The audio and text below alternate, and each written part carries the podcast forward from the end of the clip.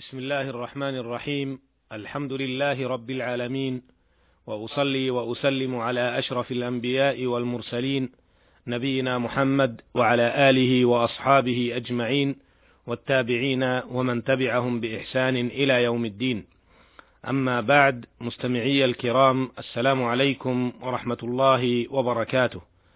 تحدثنا في الحلقة السابقة عما رواه الشيخان عن أبي هريرة رضي الله عنه أن النبي صلى الله عليه وسلم لقيه في بعض طرق المدينة وهو جنب. قال فانخنست منه فذهبت فاغتسلت ثم جئت. فقال أين كنت يا أبا هريرة؟ قال كنت جنبا فكرهت أن أجالسك وأنا على غير طهارة. فقال سبحان الله إن المؤمن لا ينجس. متفق عليه. وقد عرفنا ما في هذا الحديث من أحكام وحكم وفوائد ومسائل. وفي هذه الحلقة نعرض لما رواه الشيخان عن عائشة رضي الله عنها أنها قالت كان رسول الله صلى الله عليه وسلم إذا اغتسل من الجنابة غسل يديه ثم توضأ وضوءه للصلاة ثم يغتسل ثم يخلل بيديه شعره حتى إذا ظن أنه قد أروى بشرته أفاض عليه الماء ثلاث مرات ثم غسل سائر جسده. وقالت كنت أغتسل أنا ورسول الله صلى الله عليه وسلم من إناء واحد نغترف منه جميعا. متفق عليه. هذا حديث عظيم فيه حكم مهمة ومسائل عظيمة وأحكام جليلة أعرضها في الوقفات التالية. الوقفة الأولى قولها رضي الله عنها: كان إذا اغتسل من الجنابة يعني إذا أراد الاغتسال. يقول الحافظ ابن دقيق العيد رحمه الله: يحتمل أن يكون من باب التعبير بالفعل عن إرادة الفعل، كما في قوله جل وعلا: فإذا قرأت القرآن فاستعذ بالله من الشيطان الرجيم. ويحتمل أن يكون قولها اغتسل بمعنى شرع في الغسل فإنه يقال فعل إذا شرع وفعل إذا فرغ. انتهى كلامه رحمه الله. الوقفة الثانية. قولها كان إذا اغتسل من الجنابة غسل يديه. هذا الغسل قبل إدخال اليدين الإناء. وقد وضح هذا ما رواه مسلم عن عائشة رضي الله عنها أن رسول الله صلى الله عليه وسلم إذا اغتسل من الجنابة بدأ بغسل يديه قبل أن يدخل يديه في الإناء ثم توضأ وضوءه للصلاة. الوقفة الثالثة. قولها رضي الله عنها ثم توضأ وضوءه للصلاة.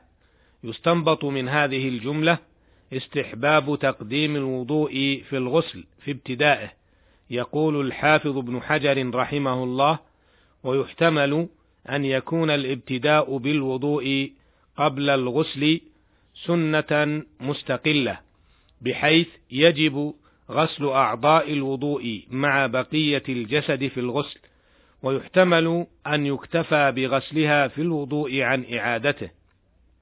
وعلى هذا فيحتاج إلى نية غسل الجنابة في أول عضو، وإنما قدم غسل أعضاء الوضوء تشريفا لها، ولتحصل له صورة الطهارتين الصغرى والكبرى.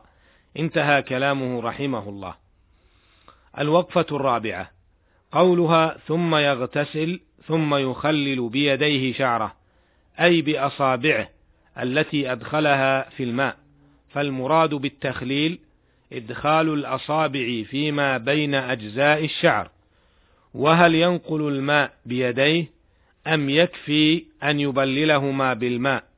الصواب والله أعلم أنه ينقل الماء بيديه أو يروي شعره بالماء وذلك لما رواه مسلم في صحيحه ثم يأخذ الماء فيدخل أصابعه في أصول الشعر. وروى الترمذي والنسائي ثم يشرب شعره بالماء. وفائدة التخليل إيصال الماء إلى الشعر والبشرة ومباشرة الشعر باليد ليحصل تعميمه بالماء وتأنيس البشرة لئلا يصيبها بالصب ما تتأذى به قاله ابن حجر رحمه الله. وهذا التخليل سنة مستحبة وليس واجبا. يقول الحافظ ابن حجر رحمه الله ثم هذا التخليل غير واجب اتفاقا إلا إن كان الشعر ملبدا بشيء يحول بين الماء وبين الوصول إلى أصوله. الوقفة الخامسة قوله حتى إذا ظن أنه قد أروى بشرته الظن بمعنى رجحان أحد الطرفين على الآخر ويأتي بمعنى العلم والمراد هنا حتى إذا ترجح لديه أنه أروى بشرته ويحتمل أن يكون بمعنى العلم فيكون المراد حتى إذا علم أنه قد أروى بشرته لكن المعنى الأول هنا أولى.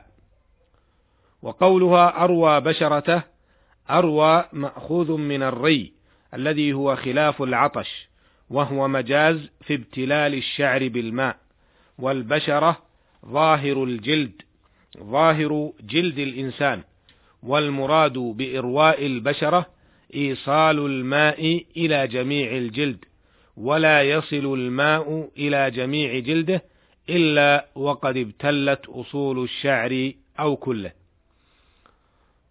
الوقفة السادسة. قولها أفاض عليه الماء ثلاث مرات. الإفاضة الإسالة أي أسال عليه الماء. وقولها ثلاث مرات أي عمم الماء على جسده ثلاث مرات. الوقفة السابعة. مما يستفاد من الحديث جواز اغتسال الزوجة وزوجها من إناء واحد لقول عائشة رضي الله عنها كنت أغتسل أنا ورسول الله صلى الله عليه وسلم من إناء واحد نغترف منه جميعا. الوقفة الثامنة مما يستنبط من الحديث أن الغسل الكامل ما ذكر في هذا الحديث من تقديم غسل اليدين ثم الوضوء ثم تخليل الشعر الكثيف وترويته ثم تعميم البدن وغسله بالماء وسيأتي إن شاء الله شيء من التفصيل في الحلقة القادمة. الوقفة التاسعة. استنبط بعض أهل العلم من قول عائشة رضي الله عنها كنت أغتسل أنا ورسول الله صلى الله عليه وسلم من إناء واحد. جواز نظر أحد الزوجين لعورة الآخر وغسلهما من إناء واحد. الوقفة العاشرة. مما يستفاد من الحديث أيضا عدم الإسراف في الماء وعليه فيستعمل الإنسان ما يكفيه لوضوئه وغسله اقتداء بالنبي صلى الله عليه وسلم. لكن من المؤسف أن كثيرا من الناس لا يبالون بكميات بالكميات الهائلة من الماء عند وضوئهم أو اغتسالهم أو نظافة بيوتهم أو غير ذلك. وهذا من الإسراف المنهي عنه فمهما كان الماء الموجود كثيرا فعلينا أن نقتصر على الحاجة. وفق الله الجميع لما يحب ويرضى إنه سميع مجيب وهو المستعان. وإلى اللقاء في الحلقة القادمة إن شاء الله. والسلام عليكم ورحمة الله وبركاته.